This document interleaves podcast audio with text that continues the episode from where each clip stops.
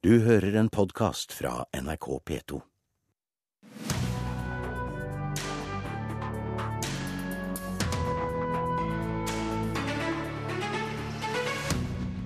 Rettskamp om ordet potetgull denne uken. Stor markedsverdi for Mårud om de klarer å holde på navnet, mener merkevareekspert. Bel-tempelet, en av de viktigste bygningene i oldtidsbyen Palmyra i Syria, er nå blitt jevnet med jorden. Og eh, orgelskandalen i Stavanger får en lykkelig slutt. Helseskadelig domkirkeorgel reparert og klar for eh, nyinnvielse. Du hører på Kulturnytt med Birger Kolsrud Jåsund i studio.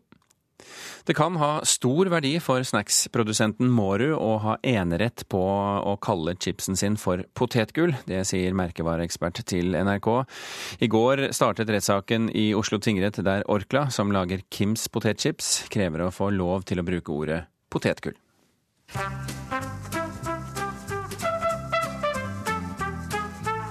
Det er noe sprøtt som ofte spises på lørdager. Det er veldig crispy. Litt sprøtt. Gult. Smaker godt. Noen sånne små korn på. Ja, hva er det egentlig i posen med de sprø, gule friterte potetflakene, lett overdrysset med salt og andre krydderier? Hva man kaller det på folkemunne, er ikke noe vanskelig å finne ut. Potetgull. Potetgull. Det er potetgull. Ja, Kims potetgull. Det står ikke potetgull her. Nei, chips står det der. Men jeg kaller det potetgull. Jeg er så gammel at første gang i verden så heter det potetgull.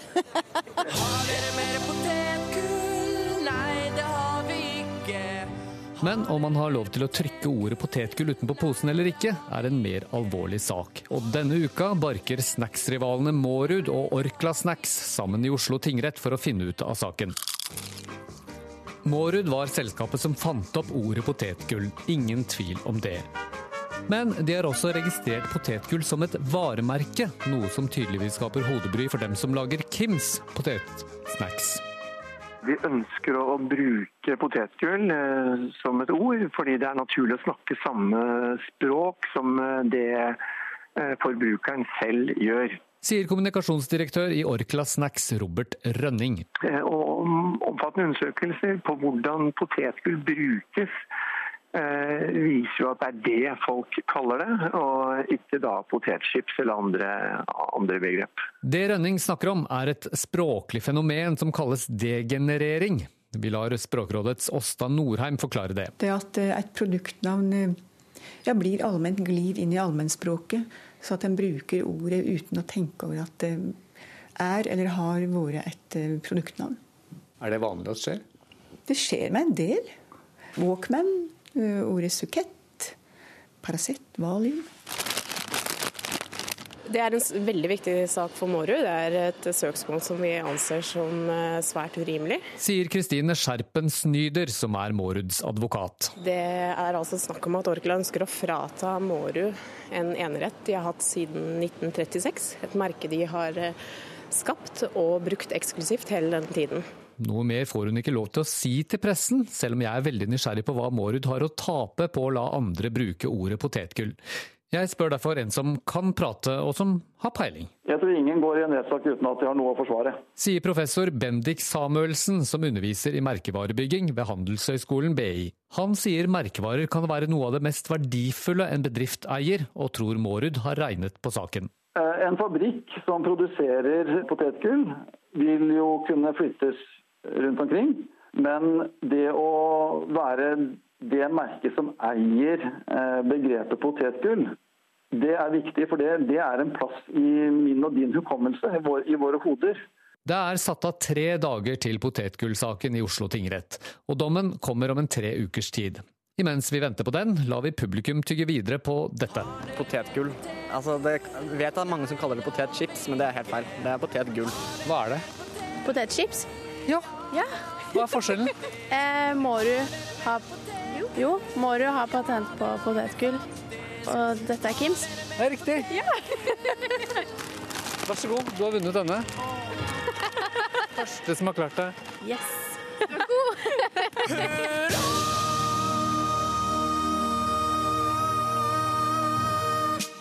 Reporter her, det var Petter Sommer.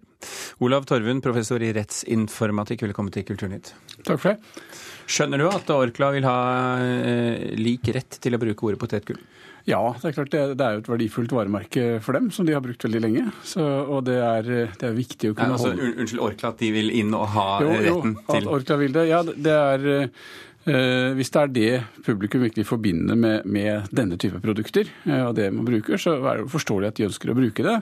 Og Det er jo sånn som av og til skjer med varemerker, også som den fra Språkrådet var inne på, altså at de såkalt degenererer. Mm. Og Det er litt sånn at man blir på en måte offer for sin egen suksess. At det som var et varemerke, blir nærmest en sånn generisk betegnelse på en produkttype. Sånn som vi har hatt en del eksempler på. Primus f.eks., som var et varemerke som Termos, altså varemerke, som på en måte har blitt sånn eh, allemannseie og betegnelse på en type produkt. og et varemerke skal være det man sier, distinkt. Det skal være egnet til å skille dette produktet fra andre tilsvarende eller konkurrerende produkter.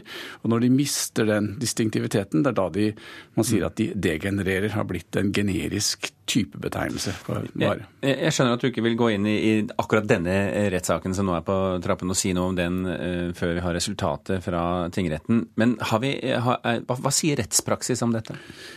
Jeg kjenner ikke, jeg har ikke klart å komme på noe rettspraksis fra Norge som går akkurat på dette med om et varemerke er distinkt eller ikke. Så, det er ikke noe godt svar på det foreløpig? Nei, nei. Betyr det også at denne saken er ganske viktig? Ja, det er en interessant sak. Eh, for å se, nettopp å se på dette med eh, liksom, hva skal til da, for at mm. et uh, varemerke er degenerert og, så, og dermed har blitt allemannseie, slik at alle skal kunne bruke det. Men hvor godt beskyttet er varemerker i Norge generelt? Det er jo beskyttet eh, altså, mot at andre kan bruke det på konkurrerende produkter, konkurrerende tjenester. Altså, det, er jo, de, er jo, ikke sånn at de eier ordet. Altså, eh, I media kan du godt kalle ting potetgull. Folk kan kalle det potetgull eh, i, i denne saken her. Men andre kan ikke kalle sine produkter og bruke det for å identifisere sine produkter. Mm. Så, så, det er det som er det viktige med, med varemerkene. Det kan jo virke som en liten fillesak for enkelte, dette her, men det er altså store krefter i sving. På den ene siden så har du Mårud, som eies av Hercules, Equity, eh, Hercules Capital, som er et equity-selskap som bl.a. har Johan H. Andreassen i, ryggen, en av Norges rikeste menn. På den andre siden altså Orkla Snacks, som vi hørte, en del av Orkla-konsernet, som er en av de største børsnoterte selskapene i, i Norge. Hva er det som er på spill her, egentlig? Det er jo den økonomiske verdien av varemerket. Altså det å kunne bruke uttrykket potetgull for å markedsføre et produkt. og hvis det er slik at eh, det publikum forbinder med denne type produkter, er det ordet, eh, så har du litt mer motbakke hvis du skal prøve å introdusere et annet ord for å identifisere det samme. For det, det gir ikke liksom, de samme assosiasjonene hos publikum. Så det er det som sånn sett står på spill. Da. Jeg skal ikke ha noen mening om de økonomiske, altså hvor mye disse varemerkene er verdt, men det er klart en del varemerker er veldig mye verdt. Og de hadde vel ikke gått til rettssak for ingenting? Nei, det hadde de nok ikke gjort. Olav Torvund, tusen hjertelig takk for at du kom til Kulturnytt.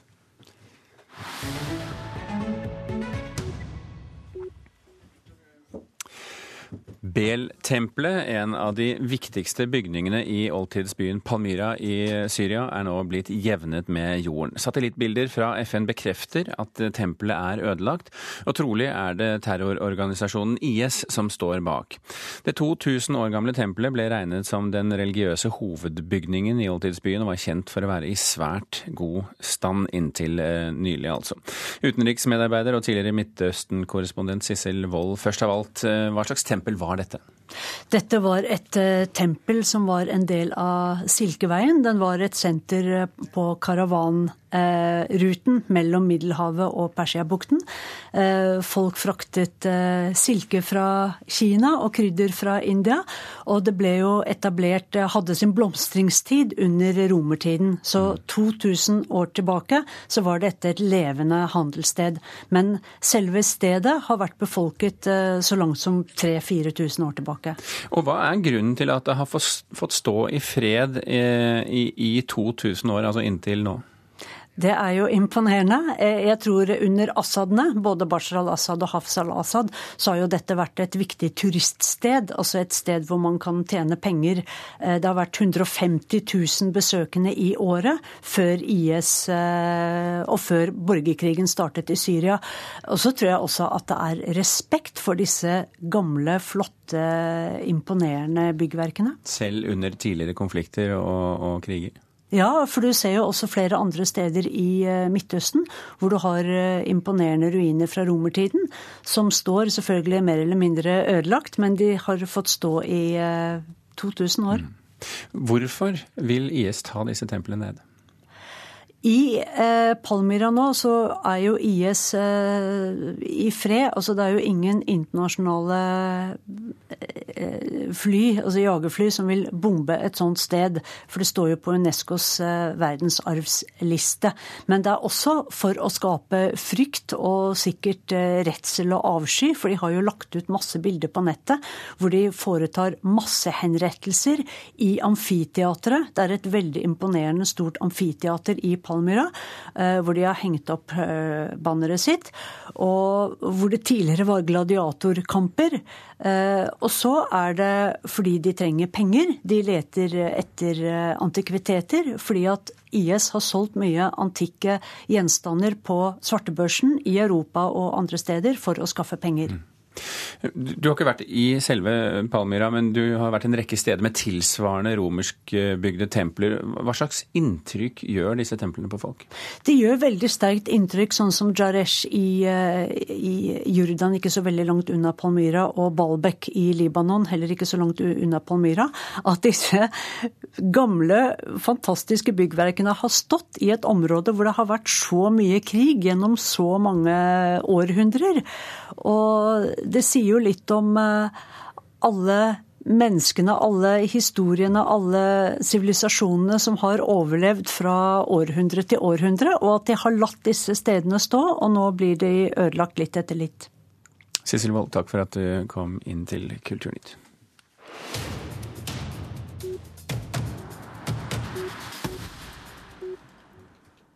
I Stavanger går en mangeårig og kostbar orgelskandale nå mot slutten. 90-tallsorgelet i Stavanger domkirke hadde så store feil og mangler at det var helseskadelig å spille på, men nå er det reparert og klart for nyinnvielse i september. Man må jo bare si at eh, orgelet overhodet ikke stemt nå, eller som finstemt eller finjustert ennå. Hvordan føles det å spille i forhold til før, da? Ja, det er jo helt annet. Det er fantastisk. Domorganist Ivan Sarajishvili kan omsider friskmelde skandaleorgelet han kom til i Stavanger i 2007.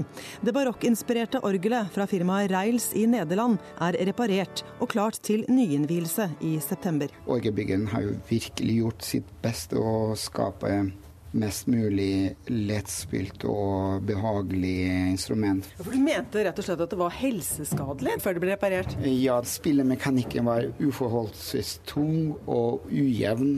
Og det førte til eh, ekstra belastning på finmuskulaturen i hendene, og sånn som kunne resultere i sånn varige skader. Her er nyheter fra NRK Rogaland. Ombygginga av orgelet i Stavanger domkirke kan tidligst starte mot slutten av neste år. Konstruksjonsfeil bl.a. med orgelpipene gjør at orgelet fra 1992 er umulig å Fra i dag så skal Stavanger domkirke stenges i et Domkirkeorgelet ble demontert og sendt til Nederland i 2013, 21 år etter at det ble bygget.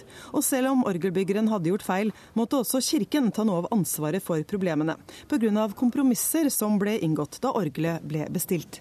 Dessuten hadde garantitiden utløpt, og til slutt bevilget Stavanger kommune 6,5 millioner kroner til reparasjonene. Ja, Det er jo veldig bra for oss, fordi eh, orgelet er en viktig del av domkirken sier musikkprodusent i Domkirken Gunnar Grøsland. Det har vært et, eh, nærmest en hodepine i, i, mange år at det ikke fungerte som det skulle. Og nå har vi veldig store forventninger til det nye orgelet, fordi ryktene sier at det blir veldig, veldig bra.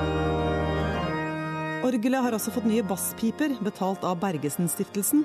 Og nå blir det vennligsinnet konkurranse med orgelet i Stavanger konserthus om publikum framover, sier Grøsland. Det er eh, vanligvis ikke sånn at folk strømmer til orgelkonserter. Men det nye orgelet i Konserthuset har jo vist vei, og vist at det går an å skape gode publikumsopplevelser. Og vi har tenkt å gjøre vårt for å følge opp det. Nå skal ikke organisten bare være en rygg der oppe. Vi har tenkt å, å filme han mens han spiller, og vise det på storskjerm for publikum. Og bare for å presisere, visningen på storskjerm vil altså bare skje på orgelkonserter, ikke under de vanlige gudstjenestene. Reporter her, det var eh, Anette Johansen Espeland.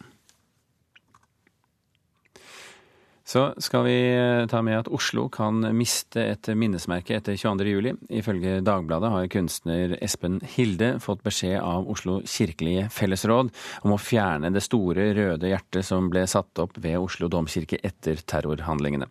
Hjertet har teksten og størst av alt er kjærligheten, og det står i Domkirkeparken, men må fjernes innen i dag. Parken skal nemlig rustes opp. Men Robert Wright i Kirkelig fellesråd sier til Dagbladet at tidsfristen ikke er absolutt, og rådet vil dessuten ikke selv fjerne hjertet. Klokken nærmer seg 19 minutter over åtte. Du hører på Kulturnytt, og dette er toppsaken i Nyhetsmorgen nå. Nav bruker minimalt med tid på å skaffe nye arbeidsplasser. Bare 3% av møtene Nav-ansatte har med potensielle arbeidsgivere, viser en rapport. Noen kommuner spanderer bare 40 kroner dagen på mat til gamle og syke, andre bruker fire ganger mer. Det er store forskjeller mellom kommunene, viser undersøkelse fra Forbrukerrådet. Og verdens ledere har dårlig tid. Vi må bli enige om en klimaavtale på toppmøtet i Paris i desember, sa Barack Obama på en klimakonferanse i Alaska i natt. Oslo tingrett behandler nå et eh, søksmål mot norske internettleverandører og piratnettsteder, skriver Dagens Næringsliv i dag. Det er norske rettighetshavere som har saksøkt for å få stoppet ulovlige strømme- og nedlastingstjenester. Reporter Espen Alnes, eh, hvem er det som står bak dette søksmålet? Ja, Det er den norske paraplyorganisasjonen Rettighetsalliansen, som representerer norsk film- og TV-bransje, som står i eh, spissen. Og da ifølge Dagens Næringsliv så har de også fått med seg internasjonale aktører som Warner Brothers, Sony Pictures og Disney. Det de ønsker, er at nettleverandører som Telenor, Nexcantel, Get og Altibox skal pålegges å blokkere tilgangen til sider som tilbyr ulovlig nedlasting og strømming av film og TV-serier. Eh, men Popcorn Time, som vi har snakka en del om nå i det siste, er ikke med i dette søksmålet. Grunnen er rett og slett at det hadde ikke blitt et eh, stort nok problem for bransjen da de eh, starta med arbeidet på dette søksmålet. Men det, det, kverner, kan... det kverner sakte, dette her. Ja, da, ja. det kan komme. Ja. Hvilke erfaringer finnes med å forsøke på å blokkere piratnettsteder? En rekke land har allerede blokkert The Pirate Bay. Her er bl.a. Danmark og Storbritannia inne i bildet. Og nå i oktober så skal også et søksmål opp for svensk rett. Nå er ikke det første gang at den norske film- og TV-bransjen har prøvd på dette. her. I 2009 så krevde de at Telenor skulle blokkere piratside, men da tapte de både i tingretten og lagmannsretten. Men i 2013 så kom det en ny bestemmelse i åndsverkslova som sa at eh, nettleverandører kunne pålegges å blokkere slike nettsider dersom de i et stort nok omfang eh, gjort tilgjengelig materiale som åpenbart krenker mm. opphavsretten. Og det er da denne bestemmelsen de nå for første gang skal få prøvd i, i retten. Og vi skal fortelle om det utover eh, i, når, når resultatene begynner å komme fra Oslo tingrett. Espen, takk for at du kom innom.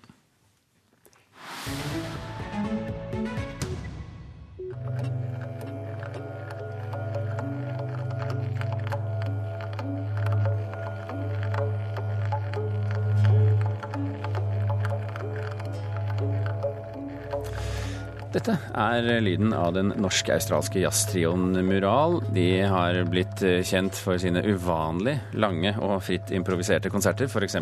så varte konserten de spilte i Rothgo Chapel i Houston, USA, i hele fire timer. Og grunnen til at jeg nevner akkurat den konserten, det er at uh, den gis nå ut på CD. Og musikkanmelder her i NRK, Svein Magnus Furu, snakker vi om uh, musikalsk ekstremsport her? Ja, til en viss grad så gjør vi det. Dette er jo i hvert fall et musikalsk maraton. Eh, det kan vi i hvert fall si. Eh, det krever jo en enorm konsentrasjon å, å, å spille en fullt, fritt improvisert konsert i hele fire timer. Betyr det at de ikke har noe uh, melodier, altså sanger, uh, ja, tidligere konsept, repertoar? Hele konseptet går ut på at her er det ingenting som er forutbestemt. På øvelsene så øver de ikke inn noen sanger eller noen komposisjoner. De setter seg ned, teller til tre, og så kjører vi i gang. Hvordan vil du beskrive musikken? Jo, det er, eh, det er, veldig langsomt flytende og, eh, musikk, eh, som vi hører her. Eh, og det sier også seg selv når de skal spille da i fire timer. Her, ikke, her bruker de ikke opp eh, kruttet i løpet av de første ti minuttene. Eh, de, vi hører også veldig mye spesielle spilleteknikker. Mye, mye annerledes spilling på instrumentene. Kim Myhr spiller gitar. Han spiller veldig mye med bl.a. med bue på gitaren, som jo er litt uvanlig. Vi hører også australske Jim Denley spille saksofon.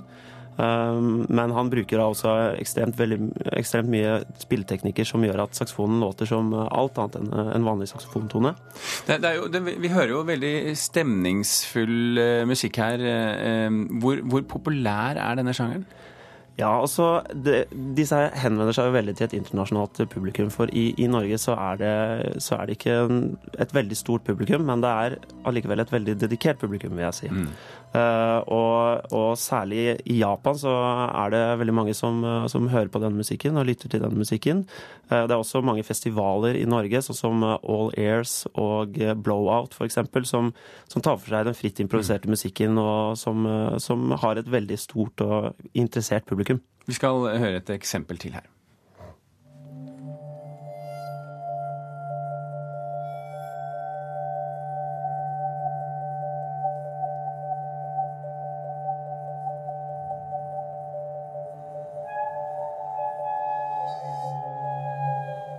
Nevnte det, de har altså spilt over hele verden. Eh, hvorfor tror du de valgte akkurat denne konserten for utgivelse?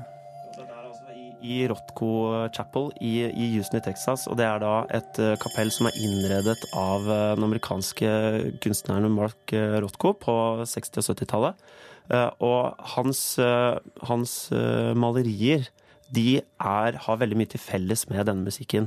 Altså det er, eh, det er eh, mørke flater av, eh, av, farger. Det er ingen figurer. Det er bare rett og slett fargeflater som står mot hverandre.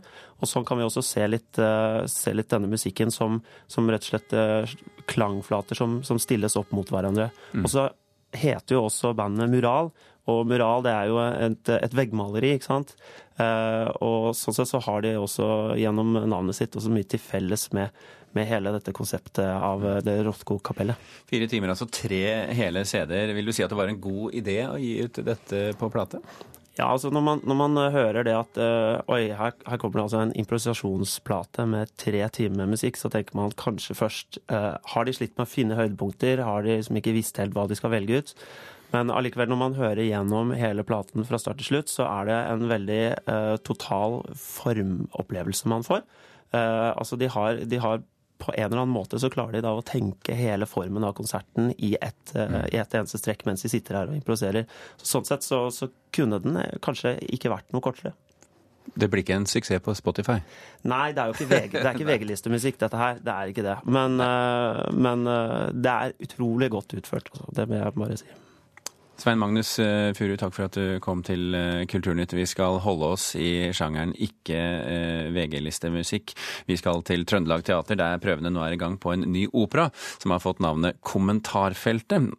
Manusforfatter Marianne Meløy har rett og slett dykket ned i kommentar, kommentarene som befinner seg under artiklene på nettaviser, og studert blogger og kommet opp igjen med et utvalg innlegg der nettroll, bloggere, fitnessguruer og det hele får sagt sitt eller i dette tilfellet sunget sitt. Marianne Meløy, velkommen til eh, Kulturnytt. Takk skal du ha. Hva handler dette egentlig om? Finnes en rød tråd her? ja, det er jo på en måte karakter... Vi har jo, blir jo kjent med fire karakterer, og um, altså nettet, hva handler det om? Det jo, handler jo om alt mulig, og intet menneskelig er fremmed på nettet. Og eh, det er det heller ikke i denne kammeroperaen i det hele tatt. Og jeg, det er akkurat som alt menneskelig av følelser finnes der, men så bare enda litt mer. Og så tror jeg det handler om eh, noen møter som oppstår, og noen møter som ikke oppstår. Men det, det er som regel ikke de følelsene man finner i tradisjonelle operaer, kanskje? Jo, absolutt. Det er jo barokke utskjellinger.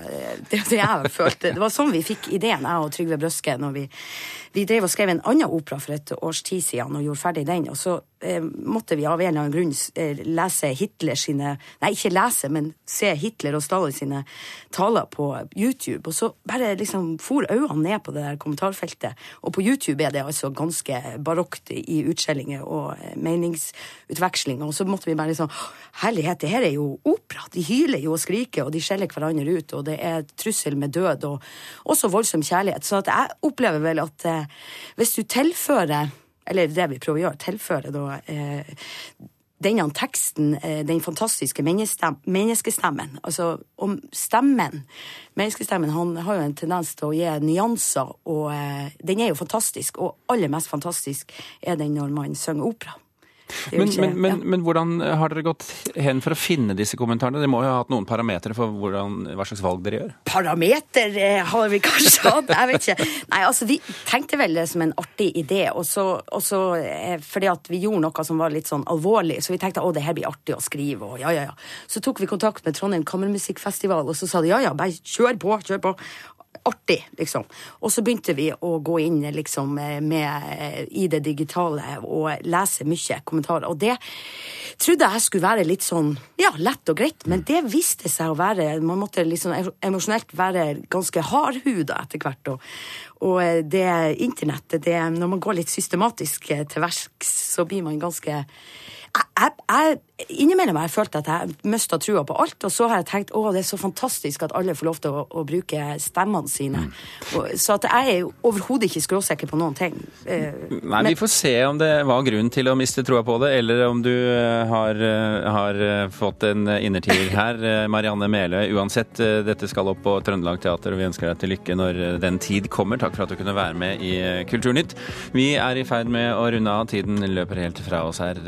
Beate Haugtrø, Vidar Sem og Birger Kolsrud Jåsund takker for følget.